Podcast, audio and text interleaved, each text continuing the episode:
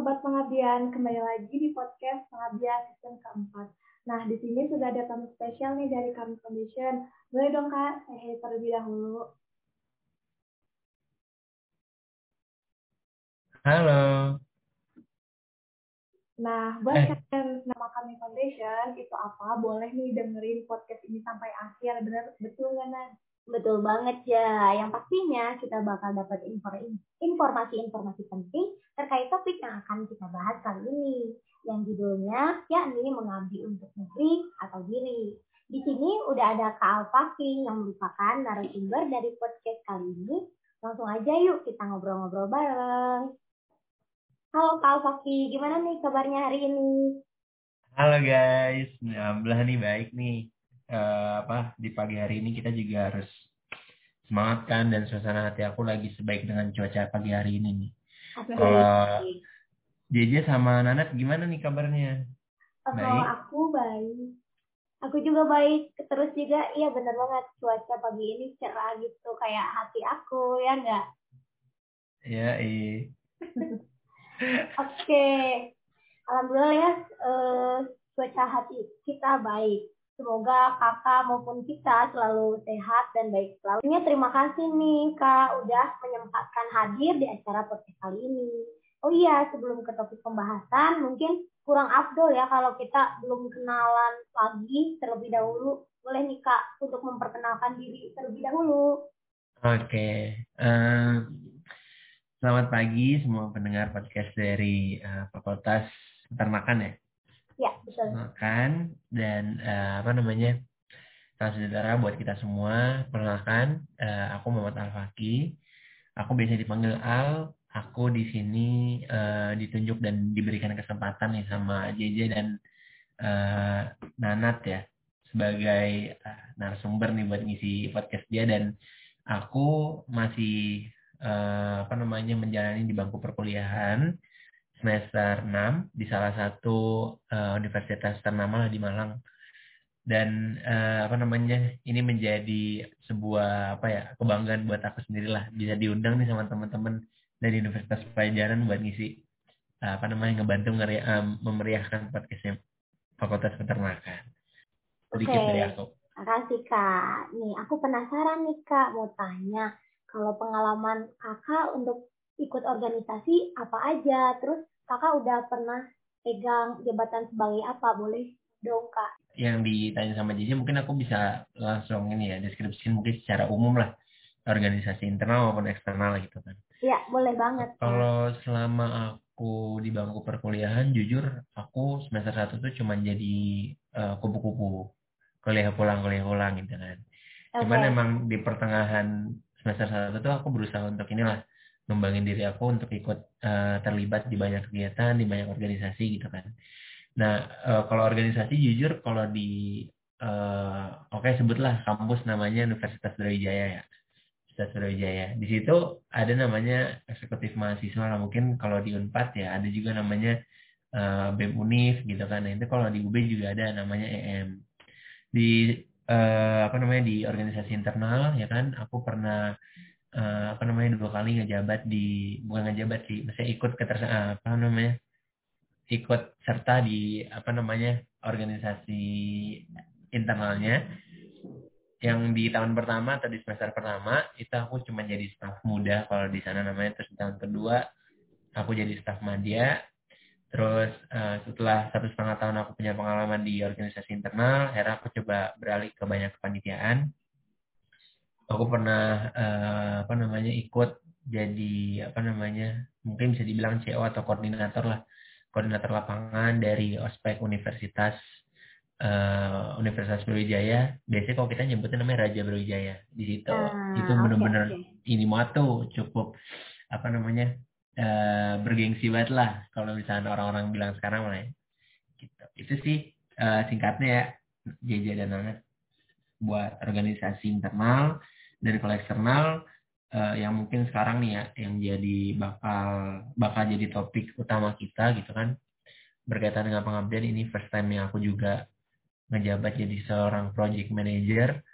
Uh, dari kegiatan yang emang sebenarnya bisa dibilang ini menjadi project yang luar biasa hebat besar anggarannya cukup uh, gede gitu kan. Dan uh, penebaran kebermanfaatannya pun juga luas gitu. Oke, keren banget Kak. Kalau sejak kapan Kakak join di Kami Foundation ini, Kak? Oke. Aku join di Kami Foundation itu di bulan uh, Agustus tahun 2021. Gitu. Itu direkomendasikan sama temen aku ya dulu diajak untuk jadi bagian tim desain ya kan karena waktu itu emang research dari tim desain kami foundation tuh kebetulan lagi uh, dihandle oleh uh, orang-orang yang waktu itu lagi sibuk banget gitu. Karena aku coba ditarik sama teman aku di sana untuk coba buat inilah uh, apa nge-cover atau nge-backup dari teman-teman desain semua. Dari situ juga aku ngelewatin beberapa seleksi gitu. Dari situlah mulanya di mana aku bisa uh, apa namanya involve nih di kami foundation aku bisa dikenalin sama yang namanya kami foundation itu apa programnya kayak gimana gitu. Oh ya kak. Kalau boleh tahu kegiatan hmm? di kami foundation itu apa aja ya kak? Wih jadi banyak banget nih Jeja sama Nana. Apalagi untuk uh, orang-orang kayak kita ya. Misalnya ibaratnya uh, Gen Z lah kalau nggak milenial lah gitu kan. Ini sebenarnya menjadi peluang yang cukup apa ya prospek lah dalam artian untuk bisa kita menambah sebuah relasi jaringan yang sebenarnya menurut aku relasi ini bisa dijadikan sebuah investasi masa depan kita nih untuk tahu uh, apa namanya uh, perdinamikaan kehidupan kita di kemudian hari itu bisa coba kita tangani melalui menebar jaringan atau relasi dari hari ini gitu. Untuk program-program dari Yayasan Kami Foundation sendiri itu banyak. Ada magang ya kan, ada beasiswa, terus ada milenial mengabdi ya kan yang mungkin nanti juga uh, apa namanya mungkin teman-teman bakal ulas lebih dalam ya terkait ini. Terus ada namanya Imconnect Indonesia Millennial Connect itu juga dia punya banyak program-program yang cukup uh, apa namanya bisa membangun nih serta mengembangkan potensi-potensi anak-anak muda sekarang. Terus ada juga bakti milenial banyak deh pokoknya. Kalau emang kalian involve dan uh, apa namanya terjun langsung ke sini bener-bener yang kalian bisa rasain tuh, yang bisa kalian dapetin tuh bener-bener nggak cuman kayak sebatas pengalaman biasa sih, tapi pembelajaran-pembelajaran itulah yang nanti bisa kalian dapetin dan bisa kalian implementasikan dan aplikasikan di uh, kehidupan kalian. Keren banget nih kak. Berarti kakak udah lama banget dong ya uh, mengabdi di organisasi kami Foundation ini.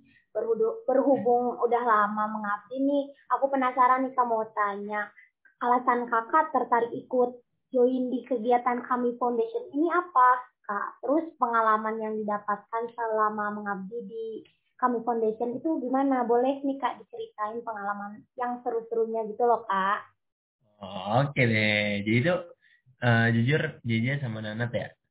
Dulu yang ngedorong aku buat tertarik sama, sama kegiatan ini sama sama apa namanya uh, ini kan program-program ini tuh jujur aku ngeliat latar belakang dari yayasan dulu kan. Terus aku ngeliat dari program-program yang mereka besut tuh kayak apa gitu kan. Dan ternyata pas aku lihat program itu seru banget, ya kan. Aku bisa keliling uh, ke daerah-daerah wisata yang cukup populer gitu kan. Dan apa sekaligus bisa berkontribusi nih buat negara melalui pengabdian. Kita coba buat saling bahu membahu, kita kenal dari teman-teman baru gitu kan dari Sabang sampai Merauke pun ada. Dan yang membuat aku uh, apa namanya merasakan ya kebermanfaatannya adalah ketika memang pada akhirnya aku bertemu nih di satu wadah yang sama di pengabdian ini ya kan dengan semua uh, satu visi misi yang sama gitu kan. Teman-teman pun juga pada akhirnya ikut. Selain untuk uh, apa namanya karena untuk uh, mengabdi pun untuk jalan-jalan dan bisa menjelajahi beberapa daerah di Indonesia yang cukup terkenal dengan uh, wisatanya pun uh, apa bisa membuat kita bertemu dan apa ya seolah-olah membangun sebuah komunikasi dari banyak latar belakang. Ada yang mungkin bisa dibilang uh, orang-orang timur, ya kan? Ada orang-orang yang mungkin tinggal di Aceh, Medan, Pekanbaru dan sebagainya. Yang mungkin kita sebagai orang Jawa ya, aku ya di yang ada di Pulau Jawa khususnya itu ngerasa kayak punya sebuah apa ya uh, kebermanfaatan yang luar biasa. Kenapa? Karena pada akhirnya ini terjadi nih. Ini terjadi banget. Ini menjadi salah satu dampak terbesar aku ya. waktu itu sempat aku coba buat ke uh, ekspedisi ke apa namanya daerah timur dan itu kebetulan banget karena pengabdian inilah pada akhirnya aku bisa survive di sana banyak teman-teman yang akhirnya coba melakukan uh, apa namanya approach pendekatan ke kita supaya ngajak kita yuk sini main gak usah gak usah apa gak usah ragu-ragu buat tinggal buat netap dan sebagainya. Benar-benar kita disambut seolah-olah kita sebagai keluarga kecil mereka. Gitu. Ini yang menjadi dampak terbesar dan aku ngerasain wah gila keren banget ya. Ternyata uh, dari yang awalnya niatnya kecil untuk ikut dan cuma sekedar menyenangkan diri sendiri ternyata impact dan dampak itu bisa sampai sebesar ini gitu. Gitu. Dan ini benar-benar berasa banget sih. Dan ini kalau kalian tahu ya gimana uh, struggle-nya gimana bahagianya ketika memang kita di satu kota kita nggak punya siapa-siapa. Dan ternyata teman-teman kita justru yang dari pengabdian yang nolongin kita buat nawarin tempat tinggal. Yang sekiranya bisa kita butuhkan di sana. Gitu. Selain itu pun yang akhirnya ngedorong aku untuk ikut di sini ya karena memang uh, aku butuh nih, butuh pengembangan keterampilan-keterampilan yang bisa aku kembangin lewat sini. Baik soft skill maupun hard skill ya kan. Nah, aku di sini diajarin uh, apa namanya dapat banyak pembekalan, uh, pembekalan materi, ada sharing season yang kita bakal bisa ikutin dari berbagai macam narasumber yang berkualitas, berkapasitas, berkredibilitas juga gitu kan. Ini benar-benar ngebuat aku kayak seolah-olah punya uh, apa namanya waktu yang bisa dibilang privilege sekali ya. Karena aku ngerasa mungkin nggak semua orang punya ini tapi semua orang bisa untuk memulai untuk mendapatkan hal ini. Gitu. So, aku ngerasa uh, apa namanya komunikasi skill aku atau keterampilan dalam berbicara aku ya kan terus public speaking aku mulai terasa terus aku punya uh, manajemen konflik yang uh, apa namanya uh, bagus untuk dari segi pembelajaran-pembelajaran yang pernah aku dapatkan. Aku dapat materi-materi yang benar-benar itu membangun khususnya ke diri aku dan ke diri orang lain. Gitu jadi jadi benar-benar kita banyak banget bisa dapetin kebermanfaatan baik itu untuk diri kita maupun untuk lingkungan-lingkungan di sekitar kita. Gitu. Oke hmm, mantap banget nih cerita-ceritanya. Aku jadi penasaran nih kak. Kan di setiap kegiatan tuh nggak ada eh bukan nggak ada apa sih ada serunya dan dukanya gitu. Nah selama kakak berkegiatan ini kan ada hambatannya. Nah, kalau boleh Nana tahu apa sih kak hambatan selama kegiatan yang kakak hadapi? Terus boleh dong kak, uh, kakak cara menyelesaikan si hambatan itu gimana? Terus boleh juga kakak ngasih tips and trick untuk sobat pengabdian agar tidak menyerah dan mau mengikuti kegiatan sosial. Boleh nih kak? Oke. Okay. Um, mungkin dari segi internal diri pribadi dulu ya. Ngerasa ada beberapa hal nih yang uh, apa namanya menjadi pemicu kita untuk merasa ini bisa dijadikan hambatan bisa menjadi hambatan untuk diri kita sendiri. Yang pertama kita harus bisa menganalisis nih menelaah. Dan uh, serta membayangkan jadi framework yang nantinya bakal kita uh, apa namanya kerjakan ke depan itu bukan cuma sebatas 2 sampai tiga hari ke depan aja enggak tapi seminggu dan seminggu dua minggu ataupun sebulan gitu kan. Itu yang kita bakal lakuin framework yang bakal terjadi dengan uh, beberapa keadaan-keadaan kita. Itu yang coba dianalisis dimitigasi. Kita adakan upaya-upaya preventif ya kan. Upaya-upaya untuk mencegah hal itu. Uh, dalam artian mungkin sekiranya menjadi masalah pun kita bisa tahu nih oh ternyata ntar bakal ada kemungkinan bakal ada masalah seperti ini gitu. nah kalau di aku Pertama itu berkaitan dengan komunikasi. Jujur aku waktu itu pertama kali takut banget buat memulai berbicara ya kan terus memulai untuk uh, mengedepankan komunikasi sama orang-orang baru tuh jujur aku takut banget. Kenapa? Karena aku ngerasa dari latar belakang mereka semua yang berbeda gitu kan. Aku takut apa yang menjadi habit aku, apa yang menjadi budaya dan culture kehidupan aku di sini itu ternyata beda dengan culture budaya mereka di sana. Itu yang sebenarnya aku takutkan banget ya. Khawatir yang niatnya baik, ya kan, khawatir yang emang uh, cara ngebangun komunikasi yang uh, besar gitu kan, dan ternyata cara penyampaian kita salah. Intinya pada akhirnya aku nggak mau nih, karena aku benar-benar tipe orang yang nggak mau punya musuh. Cuma pada akhirnya aku ngerasa kalau aku kayak gini terus, kapan aku punya temennya, gitu. Apalagi pengabdian ini berlangsung kurang lebih selama satu minggu lebih lah, 10 hari gitu kan. Walaupun kalau bukan dari diri aku, siapa lagi? Kalau bukan sekarang, kapan lagi?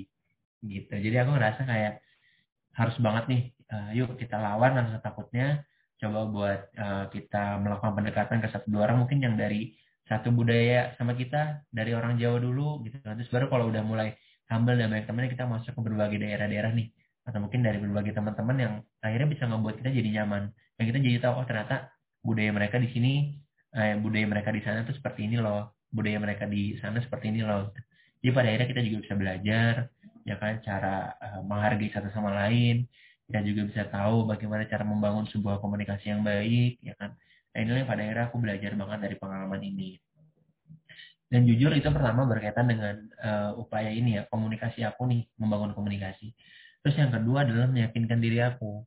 Gitu. Ketakutan-ketakutan nih yang menjadi uh, apa namanya awalan-awalan kita untuk memulai hal baru itu lagi-lagi harus kita namanya tekankan dengan hal positif. Supaya apa? Yang menjadi ketakutan itu seolah-olah bisa berubah menjadi rasa-rasa kebahagiaan yang nantinya bisa kalian dapatkan dan bisa kalian rasakan ketika kalian melakukan satu dua hal yang menjadi ketakutan kalian. Gitu. Ini benar-benar cukup uh, ampuh cukup apa namanya uh, work or, apa worth it banget lah untuk kalian coba gitu kan kenapa karena banyak dari teman-teman semua yang pada akhirnya aku ngerasa uh, apa yang mulanya takut yang awalnya nggak pernah ikut pengabdian gitu kan yang akhirnya mereka mencoba untuk mencari alasan supaya nggak ikut supaya nggak terlibat di banyak program karena mereka cuma sekadar malu enggan untuk akhirnya ikut karena mereka nggak punya siapa-siapa gitu. Dan pada akhirnya aku kasih tahu ini dan mereka juga akhirnya mengaplikasikan ke diri mereka. Ya, dan akhirnya bisa me mereka dan aku rasakan kebermanfaatan dan seperti apa. Gitu. Iya, benar banget Kak. Terus Kakak tadi kan sempat nyinggung ada perbedaan budaya gitu. Sama kita juga merasakan culture shock gitu. Karena kita kan uh, berbeda-beda gitu loh, nggak dari satu daerah. Aku aja sendiri dari asalnya Tasikmalaya. Kalau juga kalau kakak sendiri? Aku dari Jakarta. Nah, kan kita pasti memiliki budaya yang berbeda-beda gitu loh, Kak, ya kan?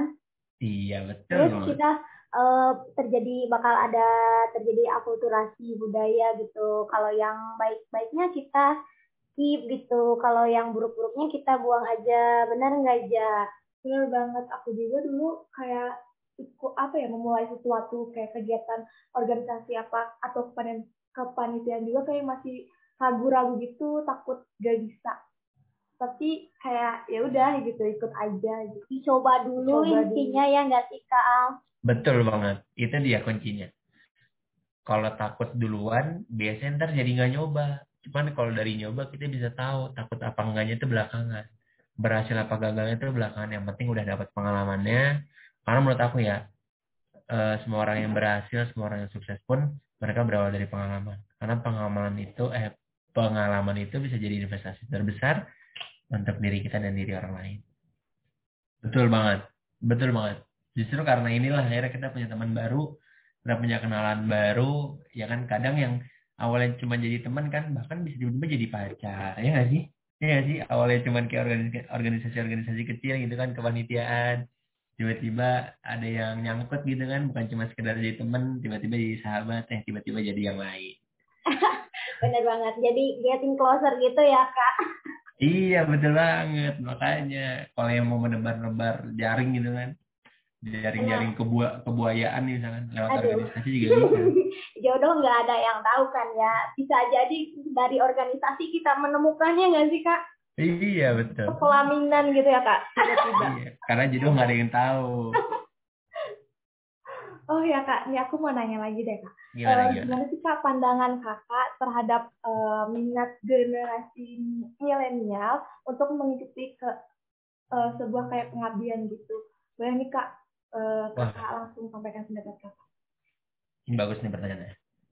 Sebenarnya kalau bicara soal minat ya, jujur uh, kita pun mengadakan program namanya milenial mengabdi itu kenapa? Karena mungkin JJ sama Nanas juga tahu nih, uh, di kampus atau perkuliahan itu kan mahasiswa itu dijadikan sebagai agent of change ya nggak sih? Sebagai agen perubahan, agen perubahan dalam bentuk ya mungkin dari segi uh, dari segi sosial budaya, ya kan? Terus mungkin jadi uh, apa namanya pendorong atau ya, akselerator dari apa namanya pendidikan dan inilah untuk membangun sebuah uh, kesejahteraan masyarakat sekitar gitu. Bisa menjadi tridharma perguruan tinggi. Nah itu salah satunya kan ada yang berkaitan dengan uh, pengabdian masyarakat. Nah sebenarnya dari sini pun uh, kita mencetuskan nama milenial mengabdi itu uh, dengan latar belakang bahwasanya kita pengen memberdayakan nih segala potensi yang ada pada yang ada pada milenial. Di usia-usia sekarang kan kita usia-usia yang sangat produktif lah. Usia-usia yang benar-benar uh, cukup energik ya kan? Segala ide inovasi ya kan? Terus hal-hal yang bisa meningkatkan tingkat kreativitas kita inovatif kita itu tuh ada ada pada di usia-usia kita sekarang gitu jadi pun kalau kita bicara soal tingkat minat ya jujur aku sebagai project manager tuh sangat mengapresiasi sekali kinerja para milenial. Kenapa? Karena milenial ini benar-benar kita bisa lihat ya mulai dari uh, apa namanya kayak antusiasmenya mereka besar banget buat ikut ya kan untuk nanya-nanya keaktifan dan terkait masalah hal-hal yang dapat memicu rasa semangat mereka nih untuk berkontribusi di sini itu mereka sangat luar biasa hebat gitu mereka ada yang mau uh, coba ngajak apa ngajakin kolaborasi kenapa karena emang dikira dan dianggap program ini pun menjadi program-program yang sangat prospek lah untuk para milenial sekarang. Gitu, ataupun di usia-usia sekarang. Gitu. Ini menjadi wadah baru, uh, bukan uh, sekedar menjadi wadah yang cuma memberikan satu dua hal, tapi punya banyak kebermanfaatan untuk bisa kita ikuti. Itu JJ sama Nana. Iya, bener banget. Tadi kan kakak sempat singgung agen of change. Gimana agen of change sendiri kan sebuah agen perubahan ya kan kak yang berperan untuk membantu organisasi mengubah cara kerja pengelolaan maupun menginspirasi orang lain untuk mau berkembang kalau misalnya dari diri kita kan sebagai mahasiswa itu kan memang memiliki apa ya potensi untuk menjadi agen of change terus kalau kitanya sendiri nggak punya keinginan nggak akan bisa mewujudkan si agen of change sendiri itu nggak sih kak iya betul banget nih ini benar nih yang tadi Jeja atau sampaikan ya. Jadi itu uh, bicara soal potensi ya. Percaya nggak percaya tiap orang itu dilahirkan dengan uh, segudang potensi yang besar gitu kan. Mereka semua punya kapasitas, mereka punya kapabilitas, ya kan. Mereka punya uh, berhak untuk menjadi orang yang berkualitas di bidangnya masing-masing. Ya kan? Ya perlu dibilang kayak buat jadi pemain bola nggak harus pintar matematika, mau jadi pelukis nggak harus uh, bisa pintar kimia dan sebagainya gitu kan. Nah itulah yang pada akhirnya dilihat nih sebesar sebesar apa keinginan teman-teman semua untuk bisa mengembangkan potensinya gitu. Karena ya memang pada akhirnya semua orang itu dibentuk dan dilahirkan dengan segudang potensi ya kan dan tinggal kita sendiri nih gimana sih cara pengelolaan potensi-potensi itu. Nah, dengan adanya beberapa wadah-wadah yang menyediakan dengan pengembangan potensi, inilah waktu kalian untuk bisa involve dan bergabung serta berkontribusi.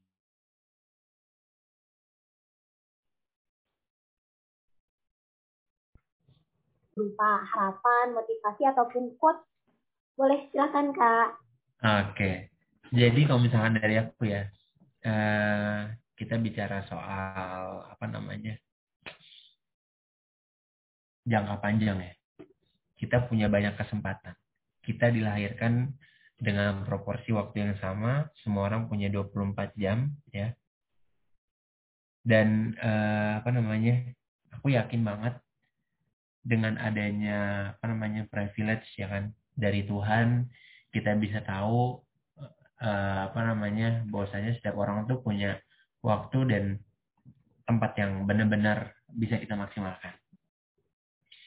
Aku percaya pada akhirnya satu hal ya, ketika memang kita di uh, apa namanya kebahagiaan itu dapat ditularkan melalui serangkaian dari ekspresi kebahagiaan kita sendiri, ya kan? Jadi untuk bisa menebarkan banyak kebermanfaatan, mulailah dari diri sendiri untuk bisa membahagiakan dirinya sendiri. Gitu. Nah, gimana caranya untuk membahagiakan diri sendiri? Coba untuk bergabung dan merasakan nih bagaimana sih caranya untuk menebar kebermanfaatan dengan apa yang kalian punya. Bukan dengan apa yang kalian mau.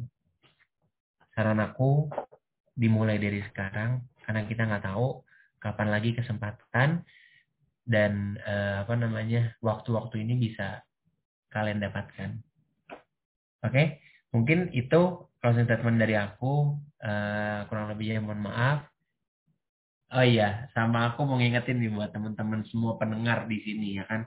Berhubung lagi ada program yang mengabdi dan bakal open recruitment, eh open recruitment, open uh, pendaftaran nih untuk yang jalur fully funded ya kan ada yang apa namanya pendaftaran dibiayain secara gratis gitu kan oleh yayasan terus juga ada parsial ada self funded dan ada uh, eh parsial self ya. itu ada beberapa jenis pembiayaan dan kalian harus benar-benar daftar. Kenapa? Karena ini menjadi ajang dan wadah kalian untuk berekspresi serta mengembangkan potensi kalian.